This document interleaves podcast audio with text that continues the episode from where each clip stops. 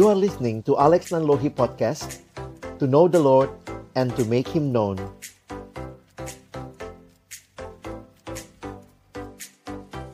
Kami mohon, mampukan kami boleh menjadi pelaku-pelaku firman-Mu dalam hidup kami, di dalam keseharian kami. Dalam nama Tuhan Yesus kami bersyukur dan menyerahkan waktu pemberitaan firman-Mu. Amin. Shalom teman-teman, selamat malam. Shalom, selamat malam. Kami bersyukur kesempatan ini boleh uh, sharing apa yang juga uh, mungkin bukan hanya teori ya, tapi juga yang kami alami dan tentunya nanti kita melihat ya sama-sama apa yang menjadi bagian dari topik malam hari ini.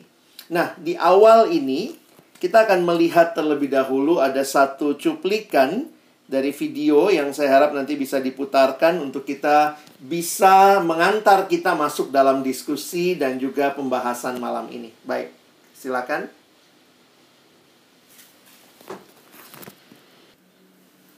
Ya, shalom teman-teman. Maaf ada sedikit apa ya namanya ya? Ya, salah salah kirim video kayaknya nanti kalau misalnya ada kesempatan kita bisa lihat lagi ya sebenarnya cuplikan videonya ini uh, merupakan cuplikan sebuah drama ya film uh, drama Korea sebenarnya. Kalau teman-teman pernah menonton Reply, Reply 1994 ya uh, jadi di dalam film itu di dalam drama itu diceritakanlah bagaimana uh, apa namanya uh, si tokoh utama yang cewek itu berdebat sama teman prianya gitu tentang sesuatu hal terkait dengan uh, ya pergumulan antara uh, menurut cewek menurut yang cewek tuh seperti ini seharusnya responnya tapi yang cowok mikir wah uh, kok kayak begitu gitu responnya ya tapi kalau misalnya ada kesempatan atau ada waktu mungkin kita bisa uh, lihat kalau emang bisa diiniin apa hmm, videonya Ya, tapi kita mulai aja. Sekali lagi shalom teman-teman. Uh, untuk malam hari ini saya akan memulai duluan. Nanti uh, setelah itu nanti Bang Alex yang akan uh, melanjutkan ya. Tema yang diberikan uh, adalah Mars dan Venus ya. Uh, kita akan sama-sama melihat dari kejadian pasal yang pertama ayat yang ke-26 sampai dengan yang ke-27. Saya akan membacakannya bagi kita semua. Kejadian 1 ayat 26 sampai 27 berfirmanlah Allah, Baiklah kita menjadikan manusia menurut gambar dan rupa kita, supaya mereka berkuasa atas ikan-ikan di laut dan burung-burung di udara, dan atas ternak dan atas seluruh bumi, dan atas segala binatang melata yang merayap di bumi. Maka Allah menciptakan manusia itu menurut gambarnya. Menurut gambar Allah, diciptakannya dia, laki-laki dan perempuan, diciptakan mereka. Kejadian pasal 1 ayat 26 sampai 27 ini sebagaimana kita tahu merupakan uh, di dalam firman Tuhan dicatat bagaimana manusia diciptakan menurut gambar dan rupa Allah. Berbicara tentang manusia sebagai gambar dan rupa Allah, sebenarnya kalau kita perhatikan dan kita bisa membandingkan nanti dalam Mazmur pasal 8 ayat 4 sampai uh, dengan 9 Penciptaan manusia sebagai gambar dan rupa Allah ini menunjukkan bahwa manusia diciptakan berbeda dari ciptaan lain. Hal ini mau menunjukkan juga bagaimana manusia itu spesial dan berharga sebagai ciptaan Allah dibandingkan dengan ciptaan lainnya. Makanya manusia disebut sebagai gambar dan rupa Allah. Namun, penggambaran atau e, disebutkan sebagai gambar dan rupa Allah yang hadir dalam diri setiap manusia itu juga sebenarnya memberikan sebuah dasar yang pasti bagi martabat manusia ya. Jadi setiap manusia itu berharga, bermartabat ya. Bukan karena gendernya apa, tapi karena memang gambar Allah hadir dalam diri manusia tersebut. Nah, image of God ini juga, gambar dan rupa Allah ini juga sebenarnya mendeskripsikan sebuah kehidupan manusia di dalam relasi. Baik relasi dengan Allah, relasi dengan sesama, dan juga relasi dengan ciptaan lain. Jadi, manusia sebagai gambar dan rupa Allah, image of God, itu tidak dapat terlepas dari kehidupan manusia yang berelasi. Baik berelasi dengan Allah maupun juga berelasi dengan sesama. Nah, berbicara tentang relasi antar manusia, maka relasi dan interaksi dengan sesama ketika manusia berrelasi, berinteraksi dengan sesama, tentu hal itu dipengaruhi oleh banyak hal, ya. Sebagai image of God, kita pastinya berrelasi dengan sesama, berinteraksi dan itu dipengaruhi oleh banyak hal. Salah satunya yang mempengaruhi eh, salah satunya adalah pola pikir. Pola pikir yang berbeda antara laki-laki dan perempuan yang secara langsung ataupun tidak langsung sebenarnya mempengaruhi kita ketika kita berelasi. Jadi relasi dan interaksi ini salah satunya dipengaruhi oleh pola pikir yang berbeda. Nah, tema yang eh, diberikan Venus and Mars gitu ya, sebenarnya ini eh, adalah sebuah judul buku, ada judul bukunya Woman from Venus katanya Man from Mars. Dan kalau teman-teman juga mungkin tahu sebenarnya ini ada lagunya juga gitu ya. Saya lupa kalau nggak salah Madonna ya atau siapa gitu yang nyanyiin ya. Nah e, buku ini dulu waktu saya masih mahasiswa itu cukup terkenal gitu ya beberapa biasanya beberapa orang tuh suka membicarakan lah ya ini bukan buku rohani tapi ya nah e, berbicara tentang e, woman katanya perempuan itu katanya dari Venus, uh, man itu katanya from Mars gitu ya, pria itu dari Mars. Sebenarnya pernyataan ini itu sebenarnya mau menjelaskan adanya perbedaan antara laki-laki dan perempuan. Jadi penulis buku ini tuh uh, mau sebenarnya lagi pengen bilang dengan judulnya ini lagi pengen bilang bahwa manusia eh, laki-laki dan perempuan itu ada perbedaan gitu ya. Mau menjelaskan adanya perbedaan. Jadi kalau kita lihat memang di dalam e, penciptaan kita melihat bagaimana laki-laki dan perempuan itu by God design ketika Tuhan menciptakan dalam penciptaan diciptakan memang secara berbeda baik dalam hal fisik dan juga peranan gitu ya berbeda tetapi bukan berarti yang satu lebih lebih daripada yang lainnya gitu ya tetapi memang ada hal yang secara desain gitu ya memang berbeda baik fisik maupun juga peranan.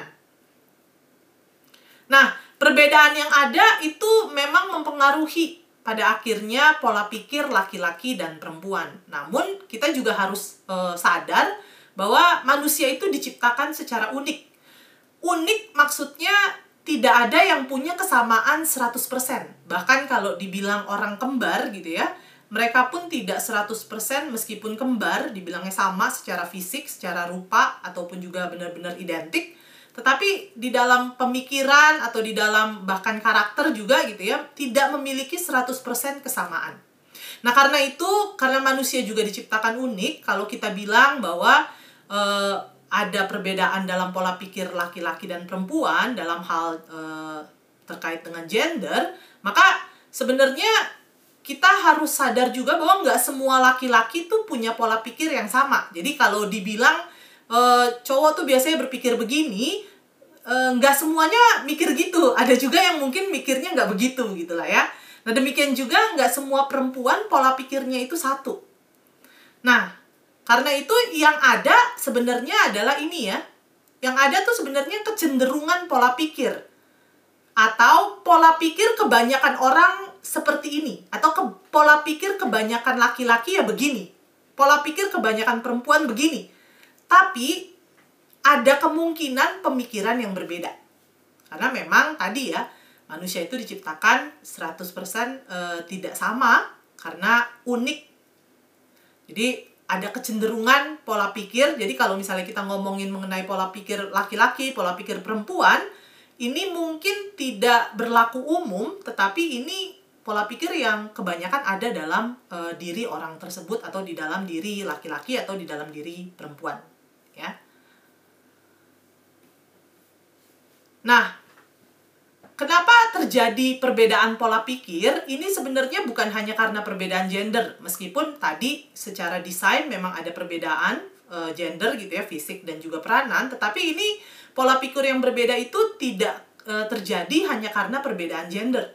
Karena ada begitu banyak hal lain latar belakang gitu ya yang mempengaruhi. Misalnya pola asuh keluarga, tempat mereka dibesarkan uh, dan juga dididik, lingkungan di mana mereka mungkin bergaul, berteman, lalu kemudian budaya yang dianut ya di masing masing-masing keluarga ada uh, budaya dari uh, tempat asal masing-masing, karakter, lalu kemudian pendidikan mungkin dan lain sebagainya. Jadi tidak melulu bahwa kalau dibilang uh, pola pikir itu berbeda ya karena perbedaan gender.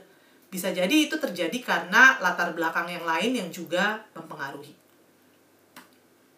Nah, karena itu uh, tapi kita nggak bisa pungkiri bahwa memang ada perbedaan pola pikir ya. Nah, perbedaan pola pikir itu sebenarnya adalah hal yang wajar ya. Namun dalam relasi dengan lawan jenis, pola pikir yang berbeda tuh sering kali bisa mengakibatkan konflik. Konfliknya terjadi kenapa? Karena sebenarnya ego masing-masing mempertahankan bahwa pola pikir atau pendapat saya lah yang paling benar, saya lah yang paling tepat.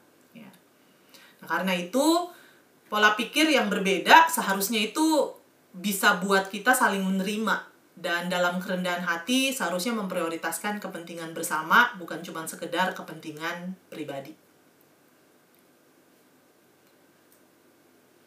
Karena itu juga kita seharusnya jangan berlindung di balik pola pikir yang berbeda untuk membenarkan diri sendiri. Jangan mikir bahwa ya memang kan e, saya cewek mikirnya kayak begini gitu ya atau wah saya memang e, seperti ini e, diasuhnya ya pola pikir saya seperti ini gitu ya. Seharusnya kita tidak berlindung di balik pola pikir yang berbeda tersebut untuk membenarkan diri sendiri ya. Tetapi apa yang harusnya dilakukan adalah belajar untuk memahami pola pikir orang lain dan belajar juga mengkomunikasikan apa yang kita pikirkan. Jadi komunikasikan pola pikir yang kita miliki dengan baik, tapi juga kita belajar untuk memahami, mengerti oh pola pikir dia e, seperti ini.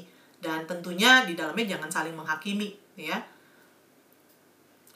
Dan kalau misalnya memang ada pola pikir yang selama ini kita miliki dan ternyata memang sebenarnya itu kurang tepat, seharusnya kita juga mau rendah hati belajar untuk mengubah pola pikir yang mungkin kurang tepat ya Nah, karena itu perbedaan pola pikir, kalau ada perbedaan pola pikir antara laki-laki dan perempuan, seharusnya ini bisa saling melengkapi. Jadi perbedaan pola pikir itu seharusnya tidak membuat konflik, tapi ketika dalam kerendahan hati kita menerima, mengkomunikasikan, seharusnya itu bisa membuat justru saling melengkapi satu dengan yang lainnya dalam sebuah relasi. Masalahnya adalah kadang-kadang kitanya yang terlalu egois, tetapi kita nggak mau belajar pahamin, nggak mau belajar komunikasikan, sehingga terjadilah konflik. Ya. Padahal kalau misalnya kita mau belajar mengkomunikasikan, juga belajar melihat, memahami pola pikir orang lain, itu sebenarnya bisa membuat kita saling melengkapi satu dengan yang lainnya, khususnya dalam sebuah relasi. Nah, ini ada beberapa pola pikir yang biasa ada. Saya gunakan kata biasa ada gitu ya. Kami gunakan kata biasa ada ini ketika kami menggumul uh, apa mempersiapkan hal ini, saya dan juga uh, Bang Alex diskusikan gitu ya. Uh, dan ini ini adalah beberapa pola pikir yang biasa ada.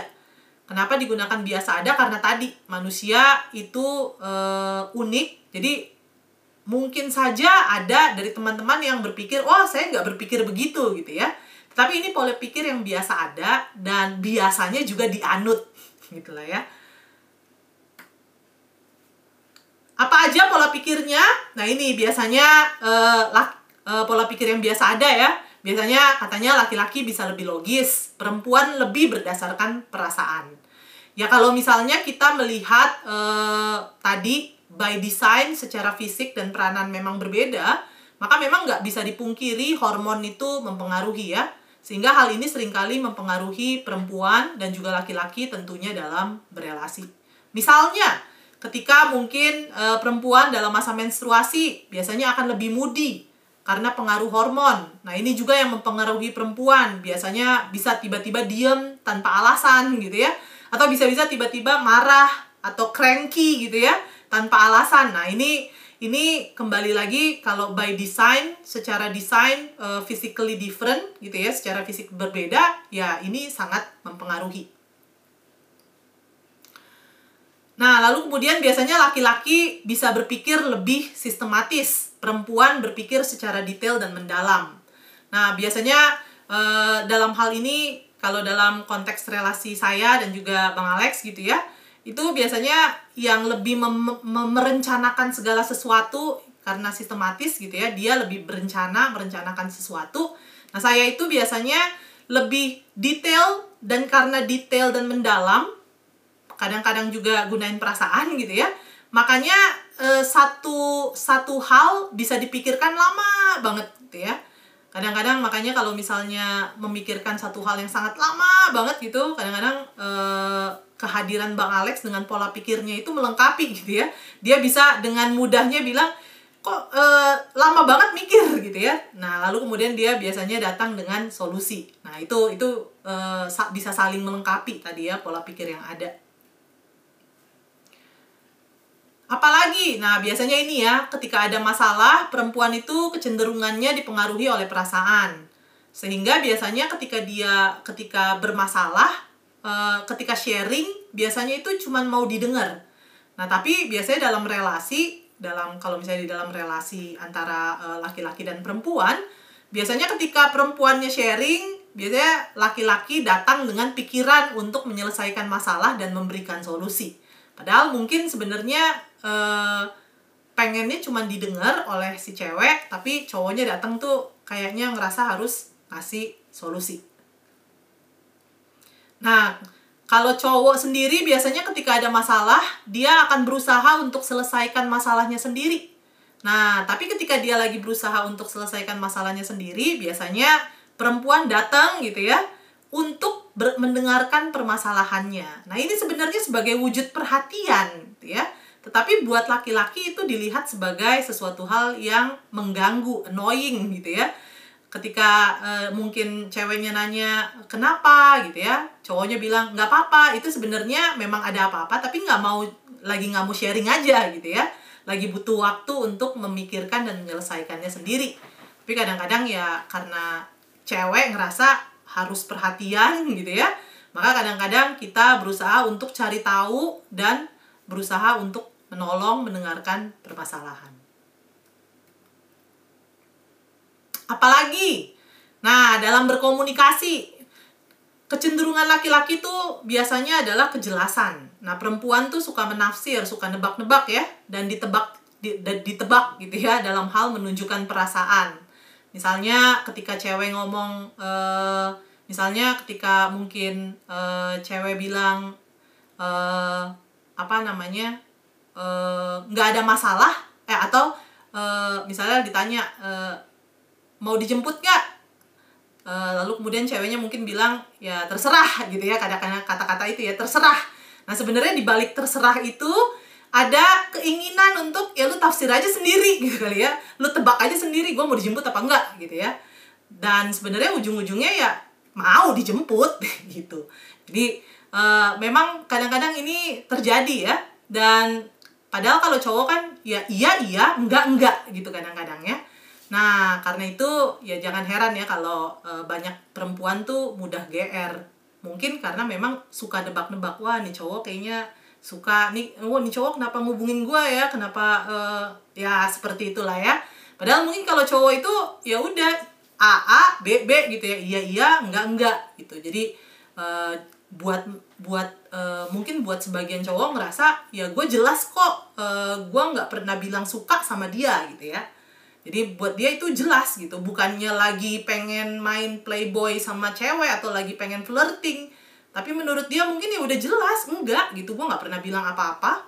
Dan memang baik semata karena memang baik ya, tapi ya ceweknya suka nebak-nebak biasanya. Nah, lalu kemudian biasanya dalam berelasi kecenderungan umum itu ya cowok suka dengan perempuan yang cantik. Cantiknya ini menurut standarnya ya. Jadi belum tentu menurut si A cantik, eh, standarnya si B belum tentu cantiknya seperti itu. Jadi ini menurut standar masing-masing lah. Dan perempuan itu biasanya suka dapetin ucapan-ucapan sayang gitu ya. Biasanya eh, dalam masa-masa berelasi ataupun berpacaran, biasanya eh, suka nanya kan ya, "Eh, kamu sayang aku nggak gitu ya. Sebenarnya cuman untuk ini aja, cuman untuk eh, semakin diyakinkan gitu ya. Tapi kalau cowok mungkin ngerasa ya kalau gue sayang eh kalau gue nggak sayang ngapain gue ngapain gue pacarin lu gitu kadang-kadang mungkin mikirnya gitu Nah ini kalau dalam konteks mendidik anak itu biasanya perempuan cenderung lebih posesif dan berhati-hati. Laki-laki biasanya lebih memberikan kebebasan. Uh, apa namanya uh, abang saya gitu ya dia punya anak uh, biasanya tuh suka kesgemes sama istrinya. Kenapa? Karena kalau misalnya anaknya kenapa-napa atau anaknya itu uh, bagi bagi kakak ipar saya gitu ya uh, anak itu nggak boleh kotor bagi abang saya nggak apa-apa kotor itu uh, sehat gitulah ya jadi uh, posesif menjaga sama ya berilah kebebasan. Nggak apa-apa kalau anak jatuh sedikit sakit uh, luka nggak masalah. Tapi buat si ibu merasa kalau misalnya dia jatuh kegores sedikit itu masalah besar gitu. Jadi ini beberapa hal juga yang mungkin kecenderungan-kecenderungan yang ada. Nah, dalam hal mungkin masa depan, laki-laki itu biasanya nggak boleh menunjukkan, katanya nggak boleh menunjukkan kelemahan. Harus kuat untuk melindungi perempuan. Nah, pola pikir ini tuh biasanya juga dipengaruhi oleh pola asuh dan budaya ya. Biasanya kalau dulu sering dengar ya, atau misalnya mungkin sekarang juga masih sering dengar ya, cowok nggak boleh nangis, anak cowok nggak boleh nangis, anak cowok harus kuat gitu kan ya. Jadi kadang-kadang ini memang dipengaruhi juga oleh pola asuh dan juga budaya yang ada sehingga pemikirannya pola pikir yang terbentuk adalah wah saya pria saya harus bertanggung jawab saya nggak boleh tunjukin kelemahan ya. Nah hal ini sadar ataupun tidak pola pikir ini akhirnya mempengaruhi dan mendasari banyak sekali perilaku khususnya laki-laki dalam berelasi karena nggak boleh lemah maka para lelaki berpikir bahwa mereka yang harus siapkan masa depan. Harus mapan sebelum menikah. Dan akhirnya banyak juga gara-gara harus mapan, membuat banyak juga mungkin laki-laki yang akhirnya nggak siap untuk menikah. Karena apa? Ya karena belum mapan. Gitu ya. Pola pikir ini juga mungkin yang membuat akhirnya laki-laki mikir ya istrinya cukuplah jadi ibu rumah tangga. Karena apa? Karena ya masalah ekonomi keluarga ada di tangannya. Pokoknya dialah superhero-nya lah. Dia harus jadi superhero. He is the superhero lah. Ya. Nah, perempuan sendiri di pihak lain dianggap sebagai pihak yang lemah. Nah, sepertinya lemah secara fisik, kan kalau by design memang secara fisik cowok lebih kuat ya. Tetapi tampaknya interpretasi atau penafsirannya jadi lebih jauh gitu ya. Lemah secara fisik tuh sepertinya diartikan lemah dalam hal-hal lainnya juga. Ya. Sehingga perempuan itu adalah pihak yang lemah yang harus dilindungi. Makanya perempuan tuh nggak boleh terlihat terlalu kuat, menonjol dalam hal karir, gaji, ya, uh, ataupun juga mungkin uh, pendidikan biasanya. Kenapa ya? Karena ini pola pikir-pola pikir yang biasanya ada dalam masyarakat, ya. Nah, pola pikir ini mengakibatkan perempuan itu ya akhirnya banyak bergantung ya pada suaminya dan mungkin juga dianggap manja. Kalaupun akhirnya mereka berkarir ataupun bekerja, biasanya ya mikirnya itu untuk dirinya. Kenapa? Ya karena uh, tadi bergantung uh, sama suaminya menganggap bahwa ya suaminya yang harus ngurusin hidupnya gitulah ya. Nah ini juga membuat sebenarnya perempuan akhirnya cenderung mencari pria yang lebih mapan. Dan laki-laki minder untuk deketin perempuan yang lebih mapan ya. Nah ada uh, itu kira-kira beberapa mungkin hal-hal yang terjadi atau pemikiran-pemikiran pola pikir-pola pikir yang mungkin ada nanti kalau misalnya mau ditanyakan atau kita mau uh, diskusi nanti dalam uh, apa tanya jawab bisa lebih lanjut kita diskusikan. Nah, lalu kemudian selain hal-hal tadi sebenarnya ada juga mitos atau stereotyping gender gitu ya. Jadi kayaknya inilah uh, apa namanya memang di stereotyping seperti ini. Misalnya apa? Ya biasa misalnya laki-laki itu yang adalah orang yang harusnya mengasihi. Perempuan itu adalah uh, orang atau pribadi yang harus dikasihi.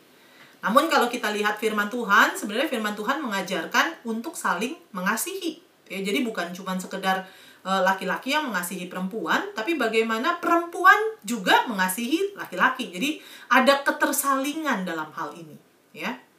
Nah, ada juga biasanya ini stereotyping gender ya. Laki-laki itulah provider, dia tulang punggung keluarga. Teman-teman kalau teman-teman baca dalam Amsal 31 ayat 16 sampai 19, kita akan melihat salah satu ciri istri yang cakap tuh punya pendapatan, teman-teman. memiliki pendapatan ternyata gitu ya. Jadi kalau teman-teman baca nanti enggak juga bukan bukan hanya laki-laki loh provider, ternyata istri yang cakep tuh salah satunya juga dia punya pendapatan ya. Nah, ini perempuan yang harus urus anak. Nah, tapi kalau misalnya kita lihat dalam ulangan 6 ayat 7, urusan mengajar, membimbing anak itu sebenarnya untuk melakukan firman Tuhan khususnya itu sebenarnya ditujukan kepada para ayah. Ya. Jadi ini beberapa hal-hal yang uh, ada ini hmm, seharusnya membuat kita melihat bukan hanya pola pikir yang ada dalam masyarakat, yang menstereotyping gender tapi seharusnya membuat kita menguji kembali firman Tuhan bilangnya apa ya. Nah, sehingga beberapa pandangan yang berlaku ini jadi stereotyping tersendiri. Meski mungkin ada yang memang seperti itu tapi belum tentu berlaku umum. Ingat tadi manusia itu unik, tidak sama 100% termasuk dalam hal pola pikir. Nah, karena itu penting untuk kita membangun pola pikir yang sesuai dengan firman Tuhan. Kita harus berhati-hati agar tidak terjebak dalam pola pikir yang kita wa pikir wajar. Karena ya itu gender kita. Padahal sebenarnya itu mungkin cuma mitos, cuma apa yang kita pikirin dan itu sebenarnya nggak berlaku umum. Ya, jadi hati-hati juga ya uh, apa terjebak dalam pola pikir yang kita pikir ya memang uh, laki-laki harus begitu, ya memang perempuan harus begitu gitu ya. Hati-hati terjebak dengan hal ini. Karena apa? Karena dalam realitanya pola pikir manusia itu bisa berubah dan berkembang. Bisa kita bisa belajar dan kita bisa uh, berubah ya dalam hal uh, pola pikir. Sehingga nggak melulu kok pria itu logis Kadang-kadang bisa jadi pria lebih berperasaan dan perempuan bisa jadi lebih logis dalam mengambil keputusan, ya. Dan pola pikir itu juga seiring dengan kedekatan relasi bisa jadi saling mempengaruhi dan terpengaruh satu dengan yang lain. Jadi ketika kita mungkin e, dalam relasi e, secara khusus mungkin dalam relasi pernikahan, dalam relasi pacaran, sebenarnya bisa jadi e, si istri mempengaruhi suami, demikian sebaliknya suami mempengaruhi istri dengan pola pikirnya. Sehingga eh, makanya bisa jadi terjadi sebuah perubahan pola pikir karena pola pikir yang ada terpengaruh atau mempengaruhi. Nah, karena itu kembali lagi bagaimana caranya supaya kita bisa terus-menerus eh, pola pikir yang berbeda, pola pikir yang ada itu tidak membuat kita konflik, terpecah, tapi di dalam kehidupan kita bisa uh, saling melengkapi, saling membangun dengan pola pikir yang ada. Ya memang mau nggak mau harus terus menguji dengan firman Tuhan. Terus menguji, terus membangun pola pikir yang ada sesuai dengan firman Tuhan. Nah, gimana gimana membangunnya, gimana membangun pola pikir yang sesuai dengan firman Tuhan dan kenapa ini menjadi hal yang sangat penting. Nah, ini bagian dari Bang Alex kita akan dengarkan ya.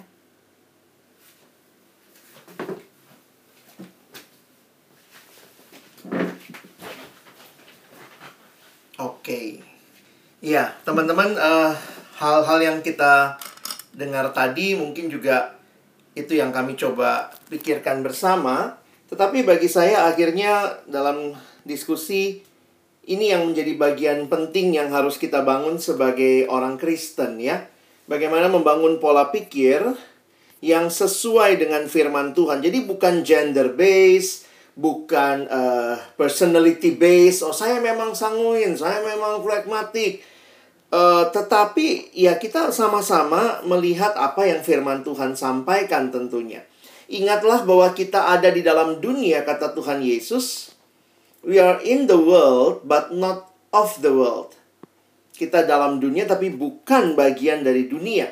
Nah, ini murid Tuhan, inilah realita kehadiran kita. Kita butuh lensa yang tepat untuk bisa memandang berbagai pergumulan yang ada dan juga setiap masalah yang terjadi kita belajar melihat dari perspektifnya Allah, ya. See from God's perspective. Firman Tuhan dalam Roma 12 ayat 2 mengingatkan kita. Janganlah kamu menjadi serupa dengan dunia ini, tetapi berubahlah Jadi ternyata hidup rohani yang yang Tuhan rindukan bagi kita bukan hidup yang statis, tapi hidup yang dinamis ke arah perubahan yang semakin baik. Perhatikan istilah yang digunakan, berubahlah oleh pembaharuan budimu. Budi ini bicara tentang kalau lihat bahasa Inggrisnya dia pakai istilah mind, pikiranmu. Sehingga kamu dapat membedakan manakah kehendak Allah, apa yang baik, yang berkenan kepada Allah dan yang sempurna. Perhatikan, perubahan yang Tuhan rindukan, teman-teman dan saya alami, perubahan di dalam pemikiran kita.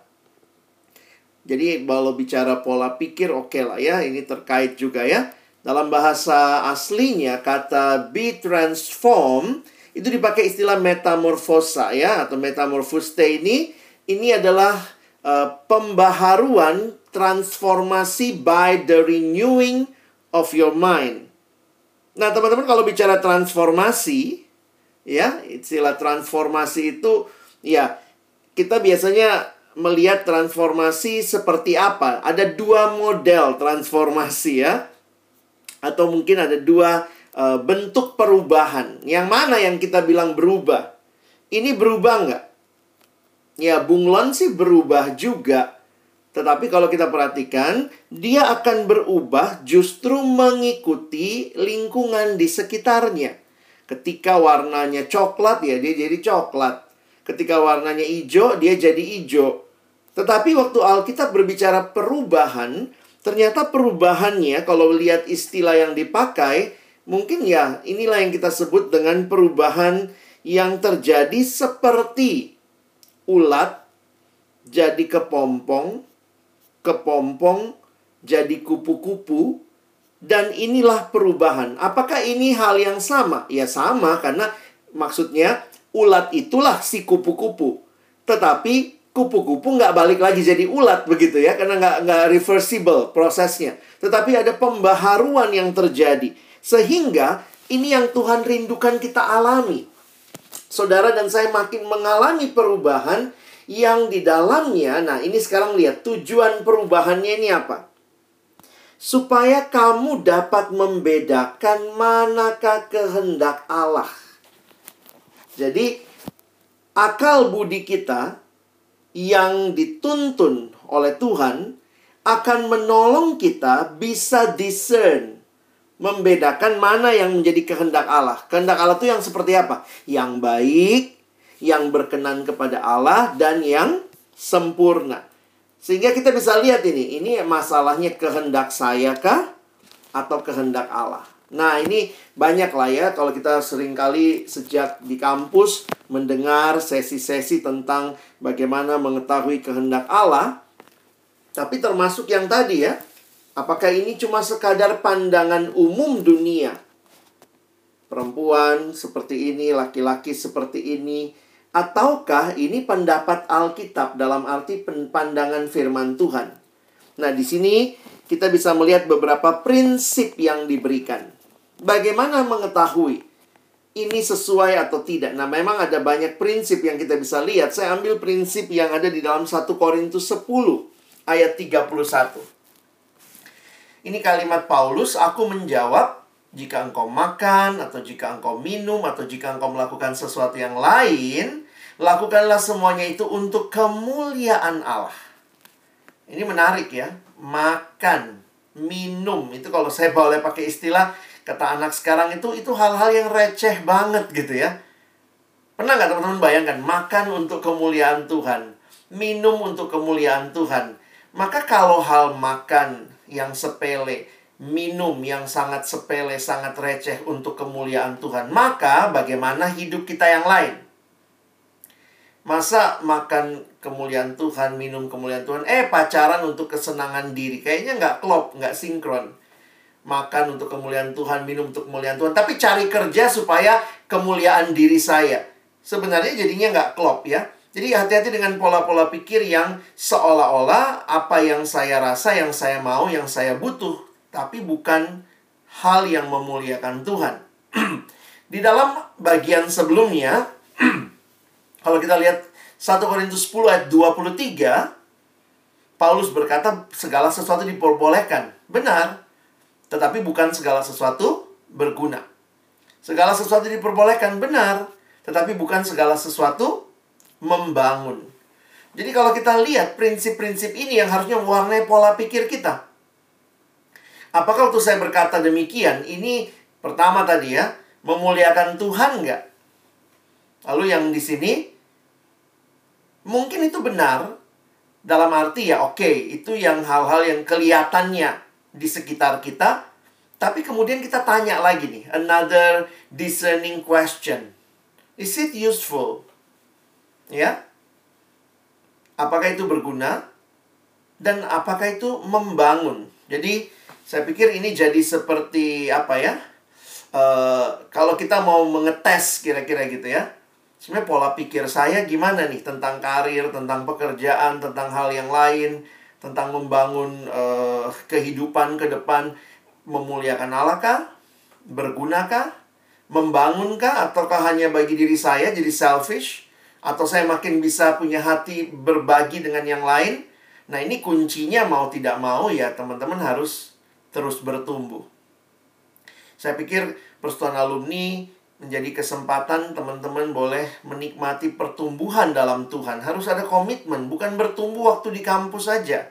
Tapi sampai alumni pun kita terus bertumbuh. Dan ketika kita bertumbuh, maka pembaharuan Kristiani itu pembaharuan yang inside out. Dari dalam keluar. Itulah yang dikatakan di Roma 12 tadi. Pembaharuan budimu. Lalu kemudian keluar dunia pembaharuannya model atau perubahannya model bunglon tadi. Outside in. Jadi kadang-kadang sedihnya gitu ya, waktu di kampus karena berbudaya PO binus, wah semua anak PO. Wah, jadi perubahannya apa? Ih, gue anak PO. Kau anak PO juga. Oh, jangan boleh nyontek anak PO. Rajin kelompok kecil, rajin datang PJ, ya, itu anak PO. Begitu dia pindah lokasi, karena perubahannya outside in, masuk dunia kantor yang anaknya hedon, duit juga sekedar apa ya foya-foya segala macam, stereotyping yang penting gue bebas, uh, work hard, play hard. Begitu berubah environment, dia berubah karena sebenarnya perubahannya itu outside in, bukan inside out. Nah, ini yang saya harus ingatkan buat teman-teman terus pikirkan ya.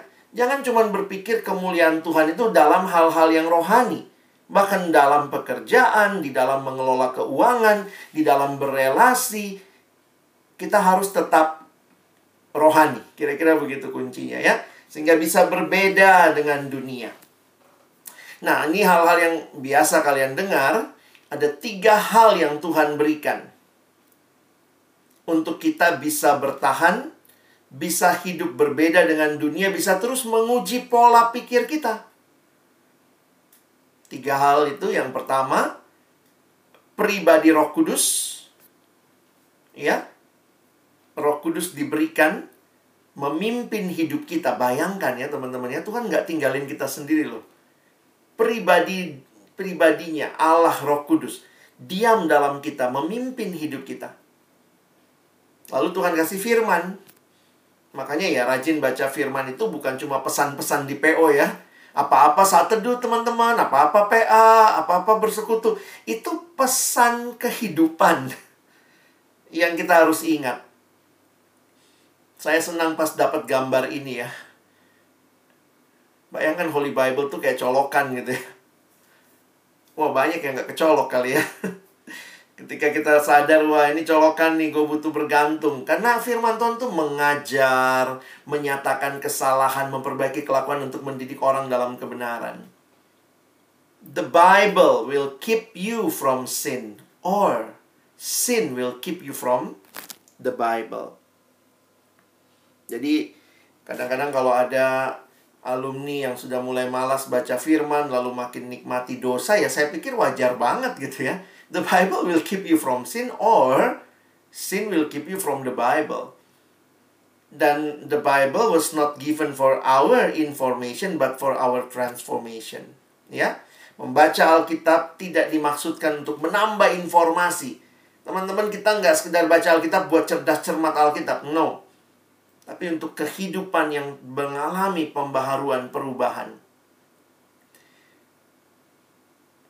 Dan terakhir komunitas ya. Nah, bertumbuhlah dalam komunitas. Eugene Peterson berkata, kita adalah sebuah komunitas. Kita tidak pernah hidup sendiri dan bagi diri sendiri. Kita dilahirkan dalam komunitas, kita tinggal di dalam komunitas, kita meninggal di dalam komunitas. Natur manusia bukanlah hidup menyendiri. Pertumbuhan itu Tuhan hadirkan juga melalui komunitas. Makanya kalau ada komunitas seperti ini, ibadah-ibadah, teman-teman ikut, itu jadi kesempatan ya. Bergabung dalam KTB kalau ada. Nah, kami uh, juga punya KTB yang Pasutri ya Nah itu banyak tuh stereotyping yang di dalam KTB Pak Sutri itu memang begini ya. Kadang-kadang kalau kita udah suami istri gitu ya. Dan kita dari latar belakang yang beda. Kita menganggap pendapat kita yang benar. Pola kita tentang gue laki-laki nih gitu ya. Nah, saya perempuan nih. Nah pas KTB terus kita dengar cerita dari temen uh, couple yang lain gitu ya. Oh Nah, biasanya itu suka gitu tuh. Tiba-tiba nanti pasangannya senggol. Tuh, denger tuh. Lu, suami tuh kayak gitu tuh. Jadi, sebenarnya itu juga cara Tuhan untuk menolong kita clear up our conscience atau our mind dari sekedar stereotyping yang kita bangun sendiri gitu. Misalnya ada teman yang sibuk kerja. Karena bahasa kasihnya ternyata waktu kita gali, oh bahasa kasihnya itu kerja. E, bentuk dia mengorbankan diri dan segala macam. Sementara mungkin istrinya butuhnya itu word of encouragement. Kamu cantik. Halo sayang. Wah, kamu luar biasa hari ini. Kamu terus ya jadi bidadariku gitu ya. Nah, itu tuh kadang-kadang tuh yang yang yang ya, ada yang mulai saling senggol. Tuh, denger tuh. Cowok belajar ngomong itu nah misalnya gitu ya itu yang cewek bilang, iya kamu juga belajar hargai. Kalau pulang kerja misalnya ya diajak untuk tenang dulu. Jangan baru pulang kemudian cerita banyak hal yang kemudian di kantor udah capek. Terus cerita lagi. Nah itu hal-hal yang yang kita akhirnya bisa lihat. Ini bukan masalah laki perempuan aja. Tapi bagaimana dalam Kristus kita bertumbuh. Ya belajar lebih sabar, lebih mendengar, yang ketersalingan tadi ya. Nah karena itu Mari kita manfaatkan setiap kesempatan untuk bersekutu. Ibrani 10.25 memberi pesan, janganlah kita menjauhkan diri dari pertemuan-pertemuan ibadah kita seperti yang dibiasakan oleh beberapa orang. Jadi dari dulu ada juga yang suka nggak mal malas datang ya. Oke ada, ada ayat ini. Seperti dibiasakan, wah di planning gitu ah nggak datang ah gitu ya. Hati-hati. Tapi marilah kita saling memperhatikan dan semakin giat melakukannya menjelang hari Tuhan yang mendekat. Sebuah cerita tentang alumni yang ketika mengalami pergumulan keluarga yang berat. Stereotyping muncul dan apa yang terjadi akhirnya pisah dengan suaminya. Ketika digali lebih jauh, ternyata ketika dia mengalami masalah, dia nggak punya KTB, jarang datang persekutuan. Memang kerjaannya lagi bagus-bagusnya, duit sangat banyak. Di pekerjaan training ke sana ke sini ke luar negeri, tetapi dia kehilangan komunitas. Ketika dia punya pergumulan dengan suaminya, dia ceritanya sama teman-teman yang tidak di dalam Tuhan. Sehingga nasihatnya tuh nasihat-nasihat, ya kejar aja hatimu, just follow your heart, ikuti kata hatimu. Ya kamu cewek, masa kamu mau begitu? Jangan mau Pokoknya you have to fight for yourself. Kita lupa ya bahwa ternyata di Alkitab nggak ada tuh kata follow your heart. Alkitab malah katakan hati-hati dengan hati. Please be careful with the heart. Hati itu sumber kehidupan. Amsal 4 ayat 23. Karena itu Alkitab mengatakan jagalah hatimu dengan segala kewaspadaan dari situ terpancar kehidupan. Alkitab nggak bilang ikuti hatimu. Kalau hati kita kan sudah jatuh dalam dosa, maka Yeremia berkata, betapa liciknya hati. Alkitab nggak bilang follow your heart. Alkitab bilang follow God's word. Ikuti firman Tuhan. Jadi bukan masalah stereotyping, be yourself, just follow your your heart. No. Nah, ini yang kadang-kadang ada dan muncul di sekitar kita. Nah, termasuk dalam hal ini saya pikir sudah banyak yang dibahas kiranya boleh menjadi dasar untuk kita boleh selanjutnya kalau ada tanya jawab ya. Baik, terima kasih itu dari kami. Saya persilakan untuk teman-teman yang mungkin punya uh, kesempatan saya balikan ke moderator kali ya. Thank you. Terima kasih buat sharingnya. Dari Bi sama Bang Alex juga. Uh, sebenarnya udah disediakan selido buat uh, tanya jawab dan cukup banyak sih bang yang udah bukan cukup banyak ya lima ya tapi lima dari yang hadir udah cukup banyak sih dua puluh ya seperempat iya. nah ini tanya kita jawab dari yang like-nya paling banyak dulu nih. Bagaimana? Uh, sebentar nanti btw tolong pengurus bantu ingetin aku ya kalau misalnya waktunya udah kelewatan atau gimana karena aku agak susah lihat uh, jamnya ini. Nanti mungkin Devina atau Oin atau Agnes bisa bantu ingetin. Nah kita jawab dari yang uh, like-nya paling banyak dulu kali ya bang bagaimana cara menyikapi pasangan oh ini dia secara spesifik pasangannya laki-laki ya yang sangat tertutup jika ada masalah. Perlukah sedikit dipaksa cerita atau biarin aja? Gimana nih Pak? Gimana? dipaksa cerita atau dibiarin aja? Kalau kalau uh, aku sih biasanya uh, kasih waktu untuk dia, maksudnya kasih waktu untuk dia uh, menyelesaikan masalahnya. Tapi ya eh, kadang-kadang memang itu menunggu itu bukan hal yang mudah memang. Jadi kalau emang misalnya kita tahu uh, kebaca lah ya.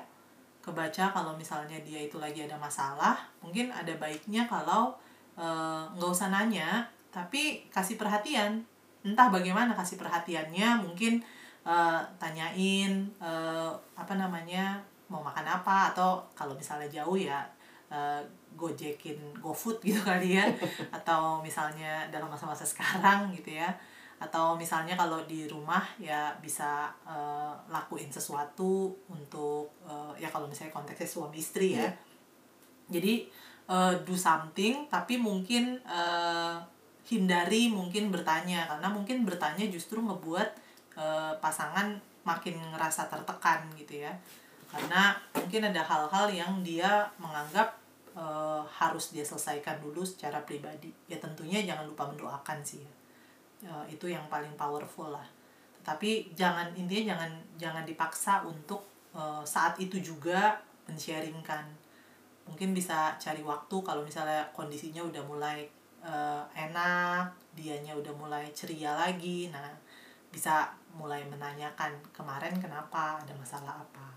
Kayak gitu. Tetapi dalam Eh, nggak uh, tahu ya dalam dalam pengalaman sih biasanya uh, kalau memang ada pergum maksudnya pasangan punya pergumulan itu um, kita diberikan kepekaan tapi juga uh, Tuhan bisa kasih ya, entah melalui siapa ya entah melalui temennya entah melalui tiba-tiba kita tahu gitu ya. Uh, uh, jadinya ketahuan oh ternyata uh, si orang uh, pasangan gue ini lagi mikirin ini toh kayak gitu. Jadi uh, bisa dengan segala macam cara sebenarnya. Jadi kalau emang uh, kalau saran saya sih lebih baik diberikan waktu lalu kemudian kalau emang misalnya tahu ada masalah kita tahu dia lagi bermasalah tapi nggak tahu masalahnya apa ya udah kita kasih aja perhatian apa yang bisa kita lakukan buat dia tetapi mungkin jangan langsung nanya itu apa? Itu nasihat perempuan, itu laki -laki? nasihat dari perempuan ya. Laki-laki? Kalau saya buat yang laki-lakinya sebenarnya uh, ya belajar berkomunikasi. Jadi memang ini ya dalam dalam banyak hal sebaiknya kita punya temen sih ya dalam hal entah temen KTB atau apa yang satu gender yang mungkin juga bisa kasih perspektif pandangan. ya pandangan gitu. Jadi kalau yang buat yang laki-laki ya belajar komunikasi kayak kalau yang perempuan mungkin sama tadi ya, jangan maksa sih karena biasanya sama ya baik juga perempuan kalau punya masalah dipaksa juga itu nggak mau juga biasanya jadi sebenarnya lebih mengenali dan kemudian uh, nah biasanya kalau nanti lagi waras kalau saya suka pakai istilah ya. lagi waras lagi enak coba bicarakan apalagi kalau kalian relasinya cukup dalam dan menuju ke arah yang lebih serius coba bicarakan lebih dalam bagaimana uh, konflik management. Kalau kita beda pendapat nanti gimana ya? Paling nggak kita punya dasarnya. Aku tuh maunya kamu dengerin aku dulu. Oh gitu maunya. Oh ya udah.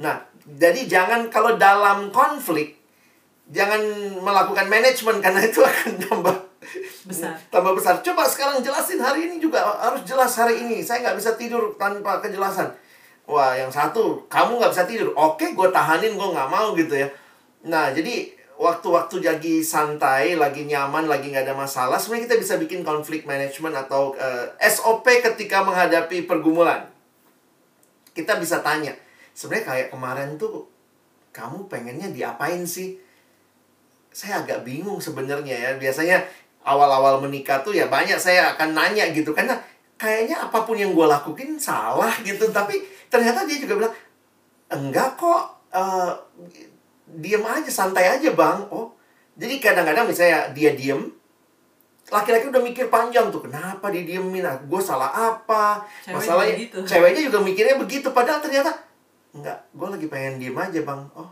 ya ya udah kalau gitu ya jadi sebenarnya nanti di situ sih kuncinya komunikasi keterbukaan lalu uh, itu ya waktu-waktu yang lagi waras coba sama-sama uh, bicarakan. bicarakan lah gitu.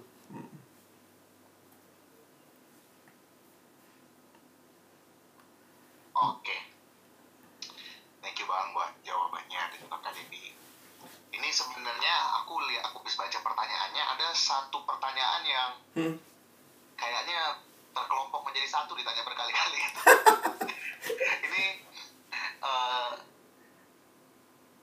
Aku coba baca satu-satu dulu ya. ya pertanyaannya. Bacain aja dulu nih yang menurutmu satu jenis. ya.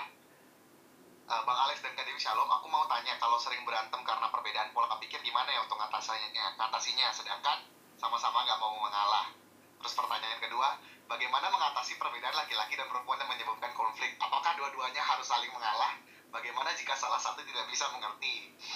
Terus uh, pertanyaan yang uh, satu lagi yang menurutku bisa dikelompokin bareng juga adalah kalau pasangan keras kepala walau pasangannya udah berusaha komunikasi bertahun-tahun tapi nggak mau denger gimana kak? Jadi ini mengenai ini sih eh, sama-sama nggak mau ngalah atau nggak bisa mengerti. Cara mengatasi perbedaan terus kalau konflik kayak gitu ya mungkin jawaban saya akan sangat Kristen ya di sinilah butuhnya bertumbuh dalam kasih kalau kita nggak kenal Tuhan, kita tuh akan terus merasa diri egois, diri paling benar. Jadi aku jadi sadar ya, kenapa dasar pernikahan itu ya di dalam Tuhan, di dalam kasih. Karena kasih itu lemah lembut, sabar, rendah hati, pemaaf ya, menutupi dosa gitu, kesalahan. Jadi benar loh, uh, kita tidak bisa tutup mata. Relasi horizontal itu sangat bergantung kepada relasi vertikal kita masing-masing. Seringkali dibikin ilustrasi gini ya, ini saya, ini pasangan saya. Kita sama-sama dekat sama Tuhan. Kita makin dekat sama Tuhan, kita makin dekat sama Tuhan. Ternyata bukan cuma sama Tuhan kita makin dekat. Dengan kita dekat sama Tuhan, kita pun makin dekat satu sama lain. Jadi saya juga belajar. Nah, itu proses ya, tidak ada yang instan ya belajar untuk berkata tidak kepada ke keinginan sendiri, belajar untuk mengasihi pasangan. Ingat ya, salah satu yang saya paling pelajari dalam pernikahan kami ya buat saya ketika mulai timbul rasa ingin balas dendam. Lu cuekin gua kemarin. Oke deh. Kali ini gue yang cuekin lu. Kalau udah begitu, udah deh tanda-tanda akhir zaman udah ya. Dalam arti saya sendiri sebenarnya nggak damai dengan saya nggak belajar mengampuni, saya nggak belajar mengasihi, saya nggak belajar minta maaf gitu. Nah makanya maaf teman-teman ya ini jadi kayak sesi LSD ya padahal kalian bicaranya mau tentang masa depan ya. Poin saya adalah kalau kalian cari pasangan tidak di dalam Tuhan, hanya sekadar Kristen dan dia bisa jadi Kristen tidak bertumbuh, Kristen yang cuman asal ya Kristen asal Kristen. Bagi saya saya makin ngerti tuh kenapa harus cari pasangan yang mencintai Tuhan karena waktu dia bisa mencintai Tuhan, dia tahu Tuhan itu mengampuni dia, Tuhan itu menolong dia dan dia bisa lakukan hal yang sama kepada pasangannya. Nah, mungkin kalau dari saya ya jawaban yang sangat Kristen yang lebih praktis. Kalau aku teringat dengan prinsip interdenominasi ya. apa? PMK ya. eh, eh, in, in In essential itu unity. unity. Eh, In non-essential. non-essential itu Liberty. liberty. In all things charity. Maksudnya apa? Eh, tadi udah dibilang bahwa ya pola pikir pasti ada yang berbeda Hmm, gitu ya. hmm, Tetapi dipaksain. bagaimana mem- mempraktekkan juga gitu dalam hal-hal yang memang esensi penting kita harus satu. Kalau misalnya ber- berbeda, nah itu itu sesuatu hal yang kita eh, tanda kutip kalau emang kita ngerasa itu penting ya menurutku ngotot-ngototan ngotot-ngototan lah gitu ya. Tetapi ada hal-hal yang mungkin sebenarnya nggak terlalu penting eh, apa namanya non esensial tapi kadang-kadang kita ngotot-ngototan untuk hal yang non esensial itu. Misalnya nggak mau tahu pokoknya gue mau makan di sini. Eh, yang satunya bilang enggak gue maunya makan yang di sini gitu ya. Itu kan sebenarnya hal yang nggak esensi ya. Atau misalnya gue mau nontonnya ini. Eh, gue mau nontonnya film eh, apa romantic comedy gue pengen nontonnya eh, horror action gitu ya mau gua. Nah, maksudnya dalam hal-hal yang gak esensi jangan sampai kita berantem. Nah, makanya eh, kalau in all things ya charity seperti tadi yang Bang Alex bilang ya, makanya itu ada eh, apa namanya saling mengasihi. Makanya kalau misalnya memang ada konflik dalam perbedaan pola pikir, itu mungkin perlu untuk dilihat. Ini esensi nggak? Lihat masalahnya ya. Iya, kalau misalnya memang esensi dan apalagi esensialnya itu udah bener-bener menyangkut nggak sesuai dengan firman Tuhan, wah itu udah jelas gitu ya. Tetapi kalau misalnya, wah ini eh, nggak esensi lah, masih bisa lah, eh, mungkin eh, apa namanya cincai lah gitu ya, apa masih bisa lah ini di eh, apa namanya tuh kita masih bisa Didiskusikan, dikompromikan lah atau didiskusikan, oke lah, gitu ya. Tetapi ya itu kembali lagi kayaknya memang eh, di dalam kekristenan kita belajar kasih ya karena Tuhan tahu eh, relasi antar manusia itu bukan hal yang eh, mudah gitu ya bukan hal yang mudah makanya eh, di dalamnya ada kasih Perintah pertama kasihi Tuhan Allahmu lalu Iya. kasih sesamamu itu Terus ini juga ya, Dek, yang aku nangkep tuh jangan sampai merasa kalau misalnya saya ikut dia, maka saya kalah. iya itu Lalu berikutnya saya akan balas dendam. Hmm. Pokoknya saya yang harus menang dan kalah. Makanya teman-teman eh, ya di dalam kalau kalian bicara relasi, saya pun juga menganjurkan sebaiknya kalau kalian punya relasi yang makin serius, coba coba ketemu konselor ya atau orang-orang yang dewasa dalam kekristenan, pasangan yang lebih dewasa bisa coba bimbing kamu gitu. Karena saya ngelihat juga kalau pacaran cuma berdua tidak terbuka untuk misalnya belajar melihat sering kali kadang-kadang gini kalau saya udah kekeh sama yang saya mau dia kekeh sama yang dia mau kami berdua kalau ngomong pasti berantem misalnya.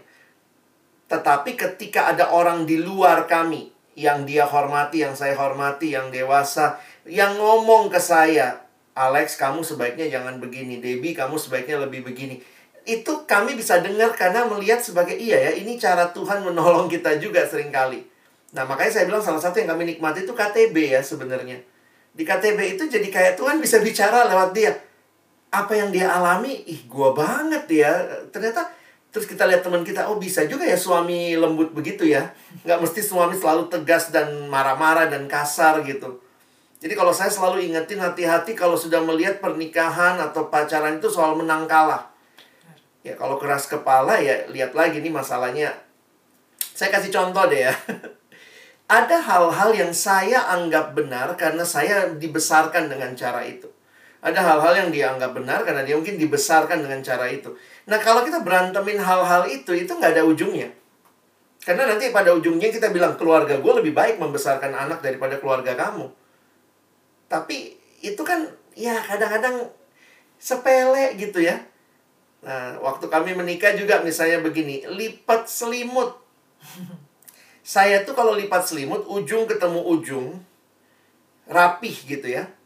Nah, Debbie lipat selimutnya asal, yang penting kelipat misalnya gitu. Waduh, awal-awal pernikahan itu gimana ya? Kan nggak enak juga ngomongnya ya.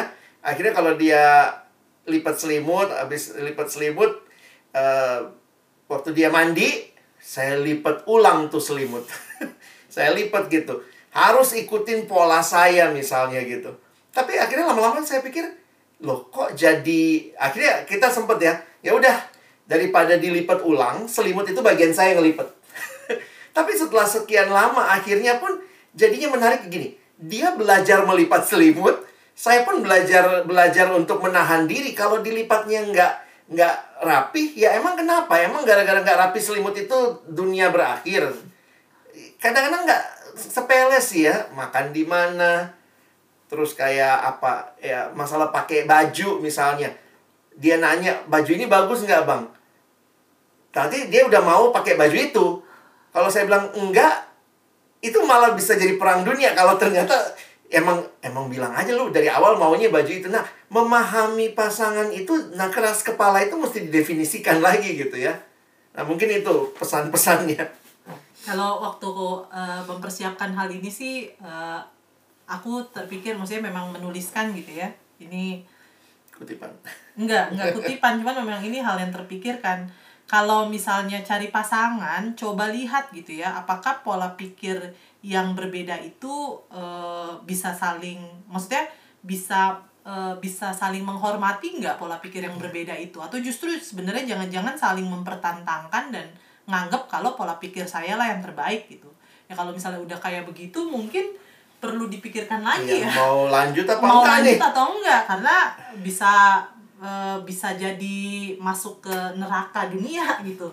Nah makanya mungkin perlu dipikirkan. Tapi poin firman Tuhan tadi juga bahwa pola pikir kita jangan mengikuti apa yang kita mau tapi apa yang Tuhan bilang apa yang firman Tuhan nyatakan gitu kan. Itu sebenarnya yang paling penting. Sehingga jangan sampai juga kita kekeh sama pemikiran-pemikiran kita. Ternyata pemikirannya nggak esensi hmm. kekeh sama pemikiran-pemikiran kita kita pikir esensi ternyata nggak sesuai dengan firman Tuhan. Nah yeah. mungkin itu kali ya.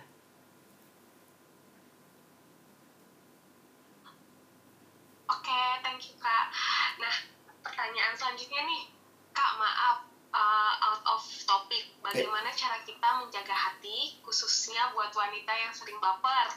Karena laki-laki nggak kunjung memberi kejelasan. Nah itu gimana kak uh, saya dulu deh ya, ya, ya, yang laki-laki bertobat banyak anak-anak persekutuan terkenal baik dan mau selalu terkenal baik, tetapi kebaikanmu ternyata merusak hati banyak orang.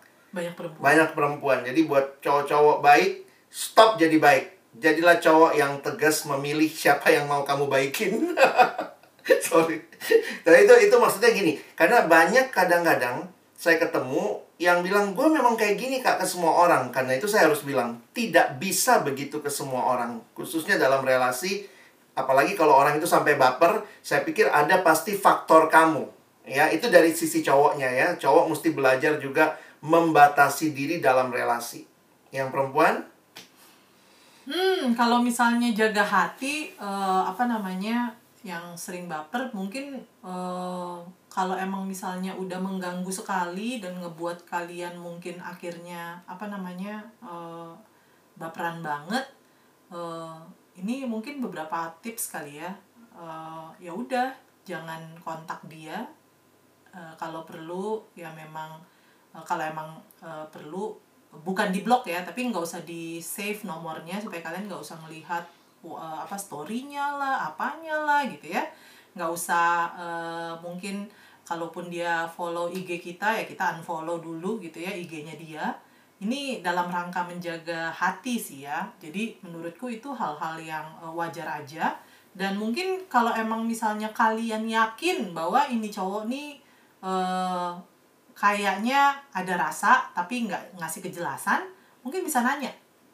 Uh, mungkin kadang-kadang kita harus bedain ya nanya sama nembak ya. Nembak itu kan mau nggak jadi pacar gua nanya itu sebenarnya relasi kita apa? Itu nanya. Mau bukan nembak. iya. kita. nembak itu berarti eh, pacaran nih lu mau nggak sama gue? Gitu ya. Nanya itu memperjelas ini relasinya seperti apa. Hubungan kita tuh sebenarnya apa? Temen doang atau lebih dari teman? Supaya hati juga eh, aman gitu ya jadi menurut saya nggak ada masalah kalau cowok cewek nanya. Apalagi kalau misalnya ceweknya udah dibaperin terus menerus dalam artian mungkin secara tidak sengaja lah ya. Cowok itu mungkin apa namanya eh, mendekati secara tidak sengaja mungkin eh, dia berpikir bahwa oh biasa kok gua sama cewek lain juga kayak begini gitu ya. Mungkin secara tidak sengaja ataupun secara sengaja. Ya kalau emang misalnya itu terjadi menurut saya nggak apa-apa tanya aja ini lu deketin gua tujuannya apa? Kita ini relasinya apa? Teman doang? Atau lebih dari teman gitu ya. Jadi menurut saya bertanya seperti itu itu sah-sah saja sebagai seorang perempuan. Tanya aja gitu. Karena memang eh, sudah mengganggu dan eh, apa namanya daripada kita juga nebak-nebak gitu ya, pengen-pengen eh, cari-cari tahu interpretasi-interpretasi sendiri. Dan yang lebih sedihnya adalah ngarepin cowok yang sebenarnya eh, cuman flirting padahal ada mungkin cowok lain yang sebenarnya eh, mau serius sama kita. Nah, itu kan kita bisa kehilangan cowok yang emang mau serius sama kita gara-gara kita ngarepin cowok yang mau flirting sama kita. Seperti itu. Mungkin itu kali. Ada satu kalimat waktu itu yang aku ingat Kak Debbie bilang sebelum cowok itu apa? Sebelum Jangan melayang apa? Sebelum cowok itu memberikan kejelasan jangan melayang. Jangan Jadi pernah melayang. kalau emang misalnya belum ada kata keluar kata gue suka sama lu, kita doa bareng yuk. Eh, Jadian. jadian yuk gitu ya sebelum keluar kata-kata itu Jangan jangan melayang jangan mikir bahwa jangan menebak dan menginterpretasi macam-macam gitu ya jadi seperti itu mungkin anggap aja ya udah temen gitu ya emang temenan tapi kalau emang mengganggu ya lebih baik jangan berteman Iya, terima kasih buat jawabannya. Eh, Kak Devi dan Bang Alex, aku baru terkoneksi lagi. Oh iya, tadi keluar. ya. Ini pertanyaannya emang semuanya mengenai LSD semua sih kayaknya ya Bang. Ketika bahas Mars dan Venus ya, sepertinya nggak ada yang penasaran bagaimana pria dan wanita memikirkan tentang karir ya. Mungkin emang pergumulannya pada di sana semua kali ya Bang ya. Iya, iya makanya kelihatan ya. Ini ada satu pertanyaan yang menurutku unik sih Bang. Lucu juga kali ya. Dia nanyanya ke Bang Alex sih dibilangnya di sini. Bang Alex mau tanya terkhusus untuk cowok. kenapa waktu cewek ngambek, cowok sering nanya kamu kenapa? Padahal sebenarnya mereka sudah tahu mereka salah mereka apa. Gimana nih Bang? Nyikapin pertanyaan ini Bang. Kadang-kadang gini ya, kan gini. Cowok itu katanya eh, apa ya, senang mempersepsi juga, tapi kan cewek itu biasanya butuh kejelasan. Nah, dalam dalam cara yang tidak tepat kadang-kadang eh, ya kita memperlakukan semua situasi sama gitu ya. Situasi lagi begini terus kamu biar tolong dong jelaskan gitu kamu lagi ngambek ya ya itu itu nggak wise lah. Atau mungkin kurang gaul ya. Coba lebih banyak bergaul dengan lawan jenis. Buka relasi ya jangan di kosan aja ya. Eh, belajar untuk eh, kumpul-kumpul sama yang lain. Maksudnya gini memperluas wawasan dan ketemu berbagai karakter orang di situ saya pikir kita pun bisa lebih lebih dewasa pada akhirnya. Nah kalau kalimat Amsal ya sekali lagi saya pakai kalimat Amsal kalimatnya mengatakan begini perkataan yang tepat itu seperti apel perak di pinggan emas jadi perkataan yang diucapkan pada waktu yang tepat Ya, jadi belajar ya, belajar. Saya pikir saya ingat waktu dulu belajar penginjilan tuh memang mesti belajar karena jadi gini, kadang-kadang kita berpikir itu sesuatu yang wajar karena ya manusia berelasi masa sih, tapi belajar bertanya. Saya tuh belajar memuji walaupun saya jarang muji. Karena buat saya ya saya bahasa kasihnya lebih kepada pengorbanan. Sementara misalnya KDB bahasa kasihnya lebih kepada word of encouragement. Nah, saya harus belajar untuk belajar memuji karena itu juga nggak salah. Walaupun kayaknya, ih bukan gue banget, jijik banget gue kayak gitu. Tapi saya akhirnya ya, walaupun saya nggak lakukan tiap kali karena tambah jijik nanti kan, saya akan belajar untuk melakukan itu. Nah, dia pun mungkin belajar misalnya menghargai pengorbanan saya dan itu ketika terjadi tuh lebih indah begitu. Jadi uh, ya teman-teman tolong kenalilah kalian dengan pasangannya ngomong tepat pada waktunya bisa bisa konteksnya kita eksplor sebentar bang pertanyaan itu. Ada orangnya nggak di sini? Maksudnya kalau misalnya cowok misalnya mm -hmm. gitu ya uh, cowok itu kalau misalnya nanya ke cewek ceweknya lagi ngambek nih. Terus cowok nanya e, bang kamu eh dek kamu kenapa? gitu. Itu biasanya karena nggak mau cari ribut padahal udah tahu sebenarnya nggak mau cari ribut atau sebenarnya gara-gara memang nggak tahu lagi kenapa maksudnya memang bener-bener nggak tahu salahnya di mana atau memang eh, yang ketiga tuh ngelihat nih nih orang kenapa ya kayak gitu loh saya pikir sih tergantung orangnya dan relasinya juga. Ah. Cuma kalau aku ya dalam berpacaran? dalam dalam berpacaran beberapa kali tuh nanya karena nggak tahu loh. Oh. Bener, iya. aku juga bisa relate lah ya. Somehow kadang-kadang memang nggak tahu. Iya, iya. Atau poinnya begini. Waktu nanya kamu ngambek ya, aku lagi berusaha cari tahu apakah alasan ngambeknya misalnya kita nggak jadi makan di resto yang kamu mau, atau karena aku bilang habis ini kamu pulang sendiri, atau habis ini jadi kadang-kadang iya, terlalu ada, banyak variabel uh. sehingga pertanyaan dasarnya kamu ngambek ya? Itu hanya untuk membuka. Kalau dia bilang iya berarti nanti saya mulai nebak nih. Satu dua tiga. Nanti cewek nanti ngomong enggak kok. Enggak. Ah itu udah perang dunia biasanya. Tapi itu itu itu itu wajar lah dalam perkenalan. Tapi kalau terjadi terus menerus itu jadi nggak wajar ya.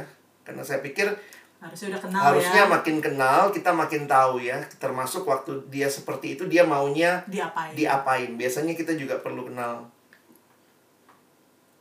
iya ini soalnya saya aku, aku baca pertanyaannya ini sambil merasa tersinggung juga sedikit nih lu banget gitu ya. Harus tahu semuanya gitu bang bukan dukun kami cowok. Yes itu juga.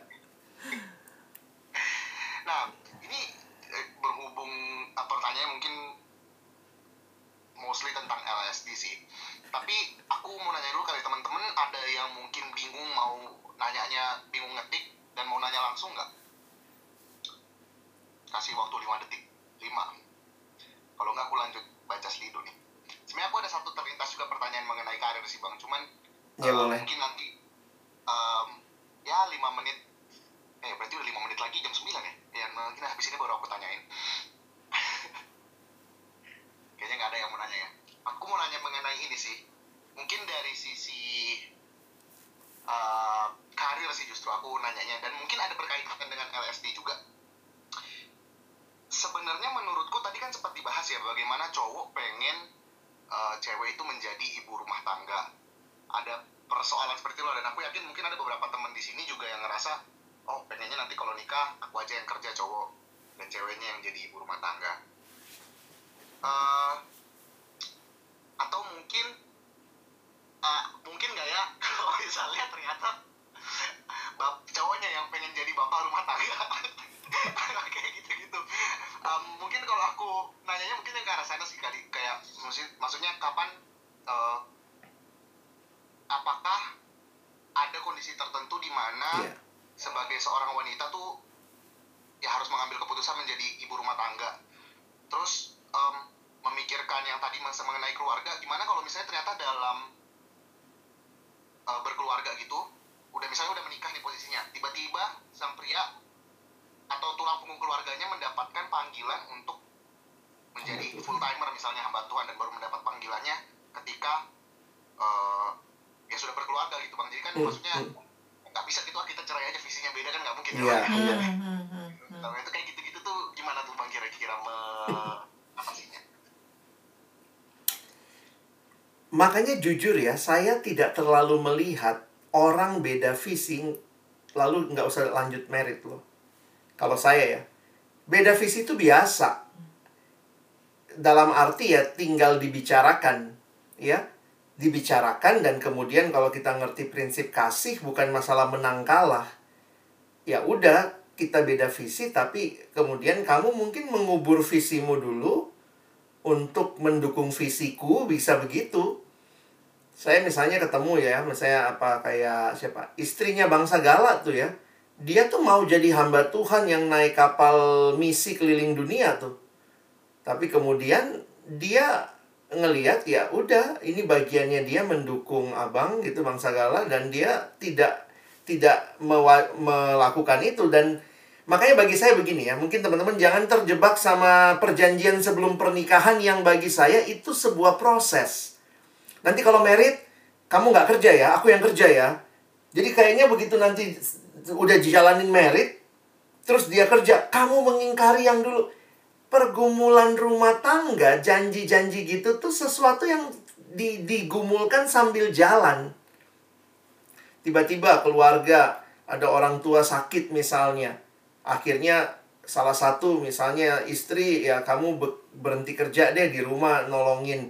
Terus ya kamu dulu janji waktu sebelum merit pokoknya aku boleh kerja. Ya itu kan kondisinya. Jadi jangan terjebak ya. Fleksibilitas itu tergantung Tuhan memimpin. Jadi jangan merasa kayak semua udah disetting duluan ketika dijalani kalau nggak terjadi maka kita ngerasa saya nikmatnya hidup itu dipimpin Tuhan hari demi hari. Nah jadi uh, aku ngelihat termasuk visi ya makanya saya ya saya menghargai lah kalau ada yang bilang kami beda banget bang visinya kami pisah. Cuma saya bilang apa memang nggak bisa dibicarain ya. Hmm. Kadang-kadang lu cari orang yang kayak gitu tuh lebih sulit gitu loh. Lebih sulit. Lalu lu lepas dengan lalu kemudian kita jadi banggain kita cerita iya gue visinya luar biasa dia nggak bisa ikut gue tanpa sadar kita merendahkan pasangan kita. Gue dapat visinya ke desa. Begini dia tuh dapat visinya di kota. Emang dia nggak bisa hidup di desa? Ya ya makanya kami putus. Orang akan punya konsep oh kamu sangat rohani karena ke desa dia tuh kurang rohani karena di kota gitu.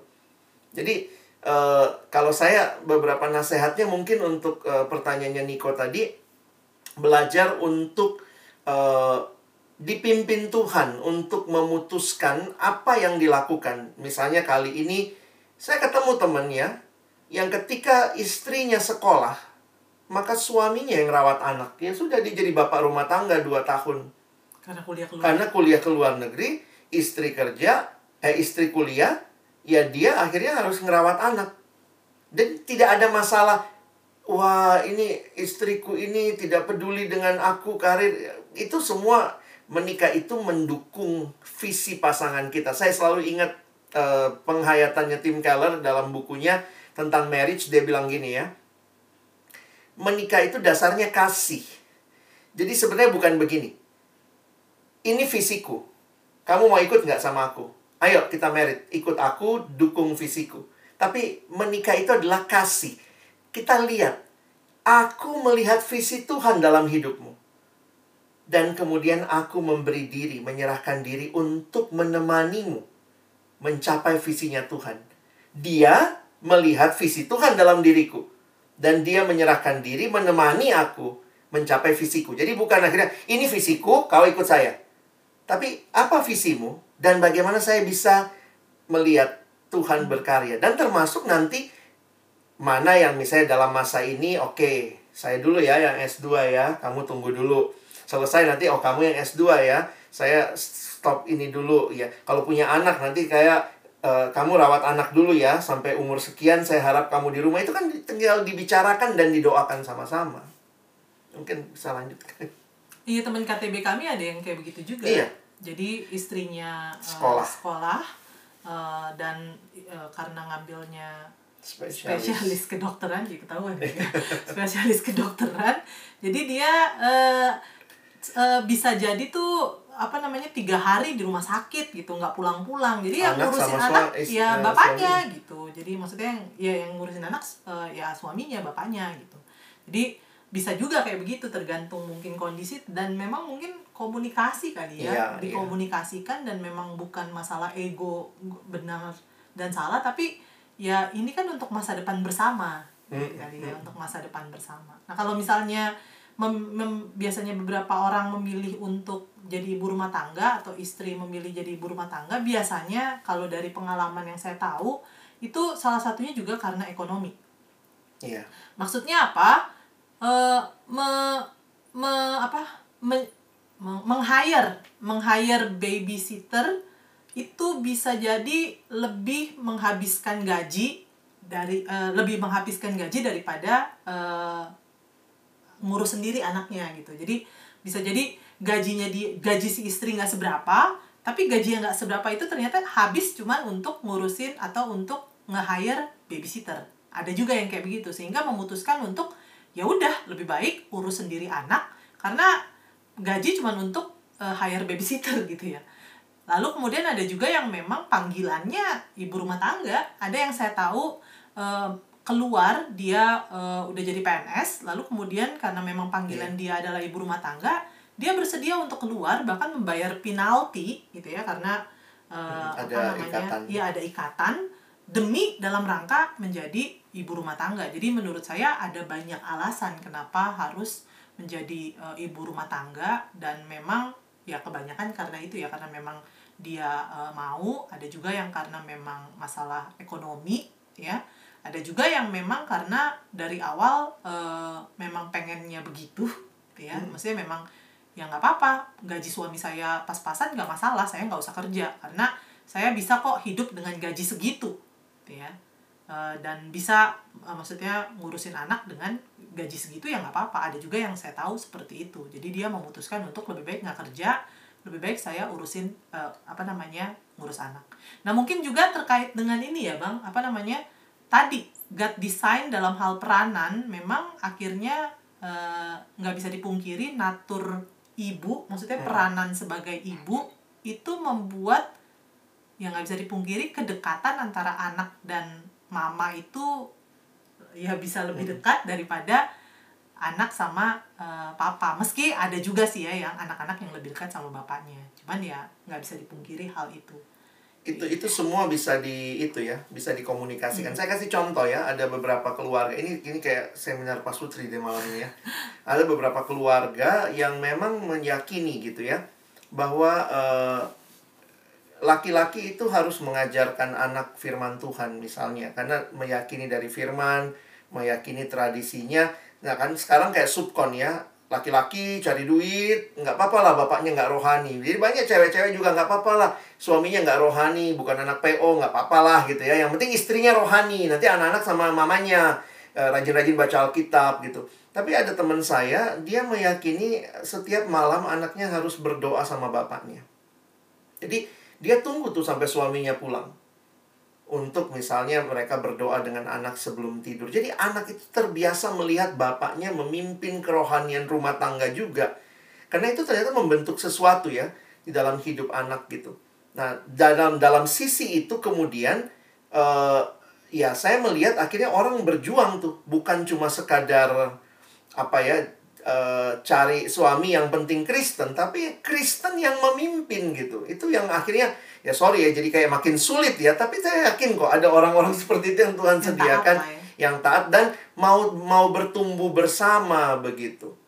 Jadi itu kali ya, jangan kemakan janji-janji atau pokoknya saya superhero keluarga. Kalau saya ke keluarga, kamu nggak boleh kerja.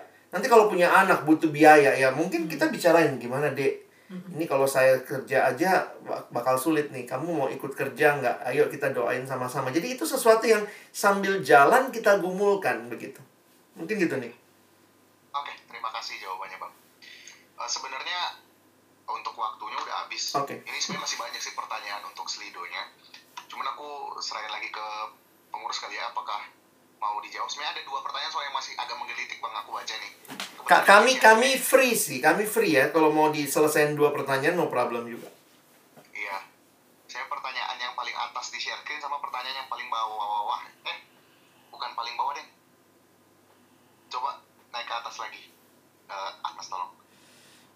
Paling atas. Ah, itu yang empat like sama yang sama ini yang bagaimana kita sebagai pasangan ini agak sedikit menggelitik. Sepertinya mungkin yang ini kali dulu bang ya. Mungkin bisa dijawab kali ya bang. Agak sedikit menggelitik soalnya untuk aku ya. Bisa dibacain yang mana nih? Gue bingung. Aku bacain ya. oh iya iya. Eh, bagaimana kita sebagai pasangan sudah mencoba berubah kayak yang dia mau, tetapi dia sendiri tidak merubah dirinya tapi selalu kita yang disalahkan Ini bisa agak jawab. sedikit seperti curhat soalnya bang jadi mungkin perlu dijawab bang Ya, kalau aku sih makanya jangan berubah menurut yang dia mau, tapi yang Tuhan mau. Karena kalau kita ngikutin apa yang dia mau, belum tentu sesuai juga dengan apa yang Tuhan mau. Karena itu sebagai pasangan sebenarnya ya jangan berubah seperti yang pasangan kita mau, tapi berubahlah seperti apa yang Tuhan mau. Gitu. Jadi eh, bukan yang ngikutin apa yang pasangan mau, tapi ngikutinlah apa yang eh, Tuhan mau. Dan karena itu kalau kita eh, belajar untuk berubah sesuai dengan apa yang Tuhan mau, kita bisa juga menginfluence lah ya, mengajak, mempengaruhi pasangan kita juga untuk berubah sebagaimana seperti yang Tuhan mau gitu. Jadi bukan saya maunya kamu begini, kamu maunya saya bagaimana itu itu transaksional sekali gitu ya. Tapi bagaimana di dalam relasi kita Hmm, Tuhan eh, yang mau. Tuhanlah yang menjadi pusatnya. Saya berubah sesuai dengan apa yang Tuhan mau. Yuk bareng-bareng kita sama-sama berubah sesuai dengan apa yang Tuhan mau. Ya. Kalau aku sih sederhananya Ya, begitu. aku setuju. Tambahannya mungkin kalau lebih realistis. Kalau dalam batas waktu, nah ini batas waktu semua sangat tergantung hikmat dari Tuhan.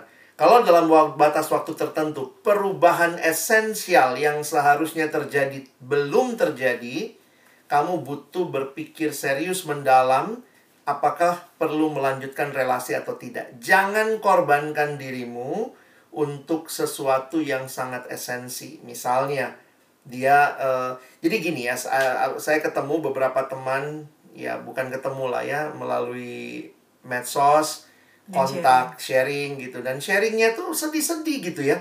Sampai saya pikir ini lu lu bucin terjebak cinta tapi akhirnya tidak bisa melihat dengan clear. Ada satu yang perempuan yang sharing ditendang sama pacarnya, di pernah didorong jatuh dari motor, terus dia tunjukin screenshotnya kalau pacarnya maki-maki itu kebun binatang gitu ya. Terus kan ya waktu dia tanya bang kalau kayak gini gimana? Saya bilang dek, ya ya kan saya juga nggak langsung bilang putus ya. Saya bilang coba cari konselor, ajak dia ke sana. Terus kemudian minggu depan dia nggak mau bang, dia nggak mau gitu.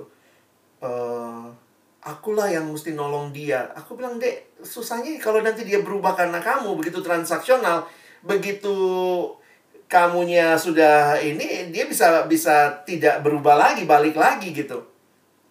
Nah, tapi inilah ya tiba-tiba dia ngomong gini nih. Ini kalimat yang bikin saya juga apa kita anak-anak PO goblok ya? Eh, sorry ya, maksudnya dia ngomongnya gini loh. Aku nggak bilang kamu goblok ya, bukan ya. Ini kasus anak ini ya. Dia bilangnya gini.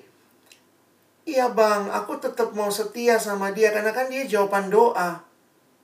Nah ini nih cara pikir yang kalau saya sudah jawaban doa di depan, maka apa pun yang dilakukan pada saya nggak boleh saya pikirkan ulang.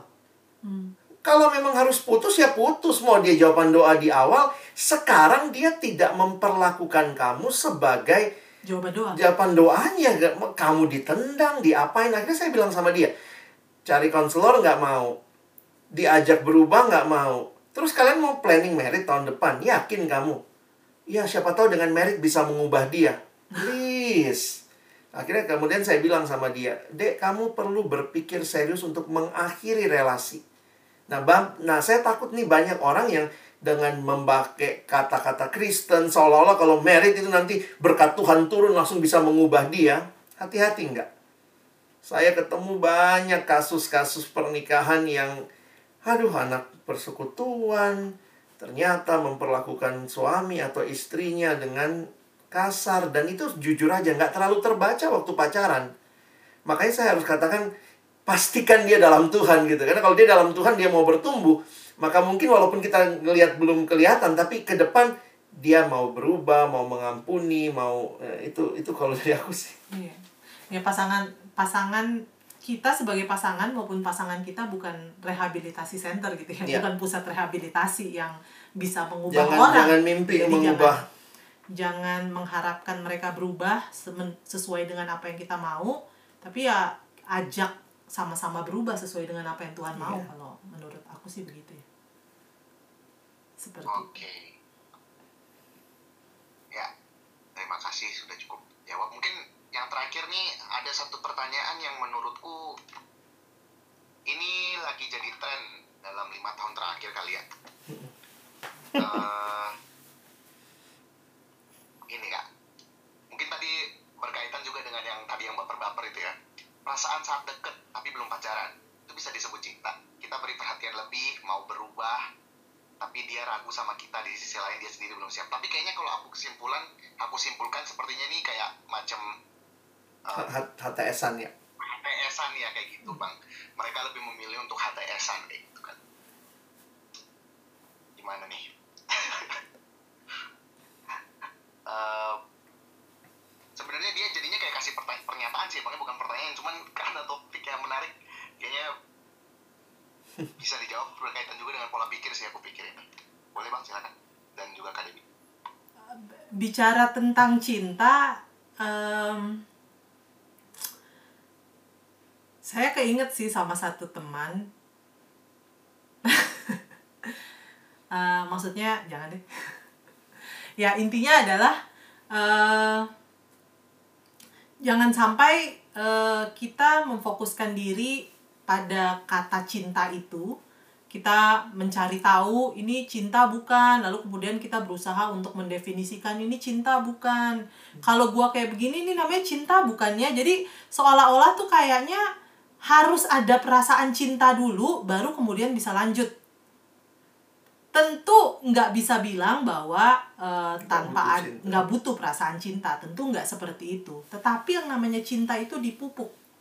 Cinta itu dikembangkan bukannya kemudian eh, saya sih nggak terlalu saya nggak terlalu bukan setuju sih saya nggak terlalu eh, saya nggak terlalu apa ya namanya ya saya nggak terlalu serak dengan jatuh cinta pada pandangan pertama karena kalau kayak begitu menurut saya cuman ngelihat apa yang ada di eh, bungkusnya.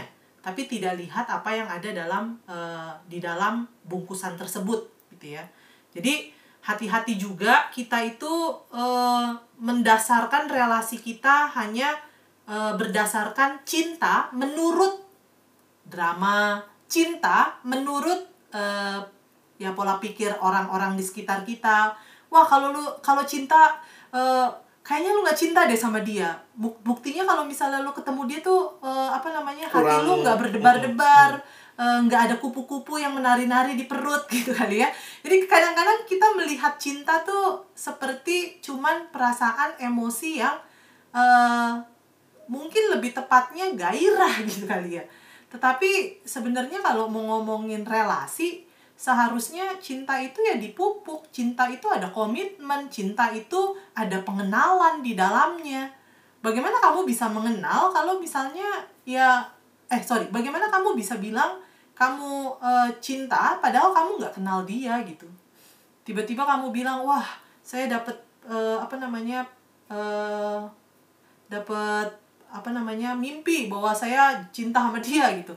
Rasanya nggak begitu juga sih paling banter jatuh cinta pada pandangan pertama tuh eh, sama eh, idol kali ya BTS gitu-gitu ya itu. Apa namanya eh, aktor-aktor mungkin seperti itu. Tapi eh, ya bukan berarti nggak butuh tetapi memang eh, kita harus tahu dulu bahwa cinta itu dipupuk. Cinta itu bukannya tiba-tiba tring ada. Karena menurut saya cinta yang seperti itu akan tiba-tiba tring hilang. Kenapa? Karena yang awal-awal kita lihat udah nggak ada lagi makanya cintanya hilang gitu. Tapi kalau cinta yang dipupuk menurut saya itu cukup bertahan lama gitu. Itu akan cukup eh, bertahan lama itu jadi eh, saya eh, apa namanya dalam eh, KTB lagi membaca bu- bukunya siapa yang namanya ya? Gary Thomas. Gary Thomas gitu ya itu tentang secret marriage. Dia salah satu dalam salah satu bab dia e, menceritakan tentang cinta yang dewasa dia bilang cinta yang dewasa itu adalah cinta yang e, bisa direntangkan. Maksudnya apa? E, seperti karet. Jadi dia nggak mudah putus. Sedangkan cinta oh dia membedakan antara cinta romantis dan cinta dewasa. Bagi dia cinta romantis itu tidak mudah untuk dire, eh, tidak tidak bisa diregangkan. Cinta romantis itu ketika ngelihat eh, pasangan melakukan kesalahan bisa-bisa itu langsung hilang tapi cinta yang dewasa adalah cinta yang bisa menerima kesalahan pasangan dan bisa memaafkan kesalahan pasangan.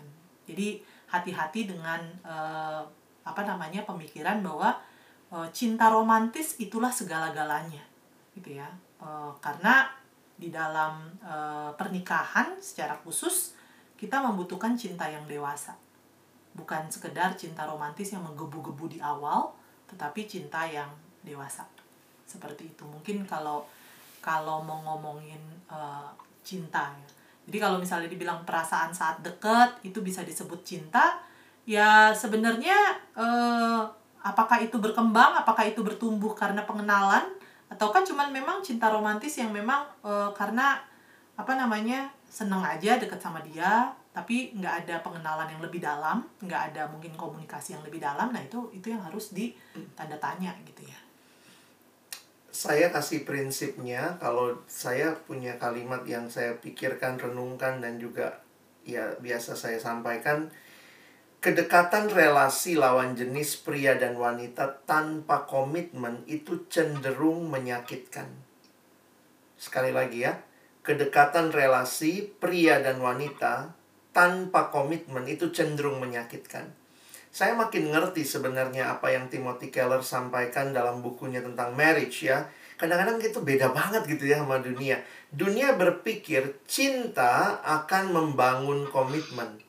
Tetapi di, di Alkitab, komitmen dulu yang kemudian akan membangun cinta. Karena bayangkan, memupuk cinta, memupuk perasaan sayang tanpa komitmen, itu sama dengan melacurkan perasaan. Jadi bisa gini, yang kayak tadi Kak Debbie bilang ya, lagi seneng, lagi deket, seneng, senang gitu. Terus kalau hilang, hilang tuh. Nah, bayangkan kalau kita bangun rumah tangga dengan begitu. Tiba-tiba dia kentut, bau, hilang cintanya, udah hilang cintanya.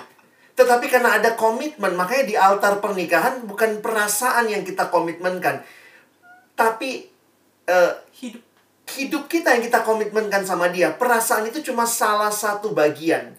Nah, aku setuju sama Niko tadi ya. Belakangan ini sekarang ini kita ada dalam generasi yang sangat mengangkat kuat perasaan. Itu yang tadi Abang bilang follow your heart, ikuti hatimu. Itu banyak sekali film, drama. Jadi perasaan jadi segala-galanya. Karena saya feel something then it's true. No, kita harus bisa menguji perasaan dengan komitmen, harus menguji perasaan bahkan juga dengan kebenaran. Kenapa? Kalimat seperti ini pernah saya dapat dari seorang anak. Bang, kami KKN bang, di sana gue deket sama dia bang, dia pokoknya karakternya dapet. Gue feelnya dapet banget bang sama dia, gila bang gue udah deket banget sama dia. Terus saya bilang ya udah deh tembak aja kan perasaannya udah dapet nih. Ah, saya mengarahkan dia ke komitmen ya. Tahu jawabannya apa? Tapi dia nggak Kristen, Bang. Jreng, jreng, jreng. Ternyata begitu kuatnya perasaan cinta yang kita sebut cinta, tapi ternyata kita nggak lagi bangun dalam kebenaran. Jadi saya makin sadar begini, berarti bisa ya kita bangun cinta tanpa kebenaran. Kalau ini cinta perasaan ini ya, Oh teman teman-teman di di WA orang beda agama aja berapa lama bisa terusik kok. Makanya sebenarnya komitmen jadi penting. Makanya kalimat sederhananya lagi, jatuh cinta itu mudah. Tapi membangun cinta itu yang susah. Harus mulai dengan komitmen dan kemudian kita bangun perasaannya. Walaupun dia kentut bau, gue udah komitmen, gue cinta dia. Jadi bukan tergantung perasaan. Mungkin gitu kali ini. Oke, terima kasih Pak Alex dan Kak Devi untuk pemaparannya. Terima kasih juga buat teman-teman yang udah berpartisipasi bertanya. Nah, uh, ya karena udah selesai. Hmm, Oke, okay. mau sampein sesuatu? Hmm. Nanti aku tutup dulu. Oh gitu ya. Ya kalau bagi teman-teman uh, kembali lagi jangan lupa bahwa uh, pola pikir yang sudah diubahkan atau uh, kiranya kita terus membangun pola pikir yang sesuai dengan firman Tuhan bukan cuma sekedar pola pikir yang ada ataupun juga uh, apa namanya berkembang dalam dunia ini tapi benar-benar pola pikir yang uh, sesuai dibangun oleh firman Tuhan. Karena itu terus uji lah ya apa pun yang pola pikir pola pikir yang ada ataupun juga mungkin pendapat-pendapat orang terus uji. Dan belajar rendah hati juga kali ya untuk uh, memahami dan juga belajar rendah hati untuk uh, bisa mengkomunikasikan apa yang jadi pemikiran-pemikiran kita. Itu mungkin. Baik mari kita berdoa. Tuhan, terima kasih banyak untuk setiap bagian pemaparan baik firman-Mu, wawasan, setiap prinsip, pengalaman, sharing, biarlah kembali memperkaya kami untuk benar-benar menyadari bahwa kami diciptakan oleh Allah, setiap orang unik, dan dalam keunikan itu kami mau dibentuk terus oleh Engkau ya Tuhan. Firman-Mu adalah kebenaran yang seharusnya membentuk hidup kami. Kami sekali lagi bersyukur. Tolong kami semua, laki-laki dan perempuan, semua orang dalam segenap keberadaan keunikan kami, untuk terus bertumbuh, makin serupa dengan Kristus. Hamba berdoa bagi adik-adikku, mungkin ada yang sedang mau membangun relasi, baik relasi kedekatan dengan orang-orang yang mungkin uh, saat ini sedang mereka gumulkan, doakan kiranya Tuhan yang menolong, semua proses berjalan dengan baik dan di dalamnya sungguh Engkau Tuhan yang dipermuliakan. Terima kasih. Kami bersyukur untuk sesi ini dan kami menutup persekutuan kami dalam nama Yesus kami berdoa. Kami bersyukur. Amin.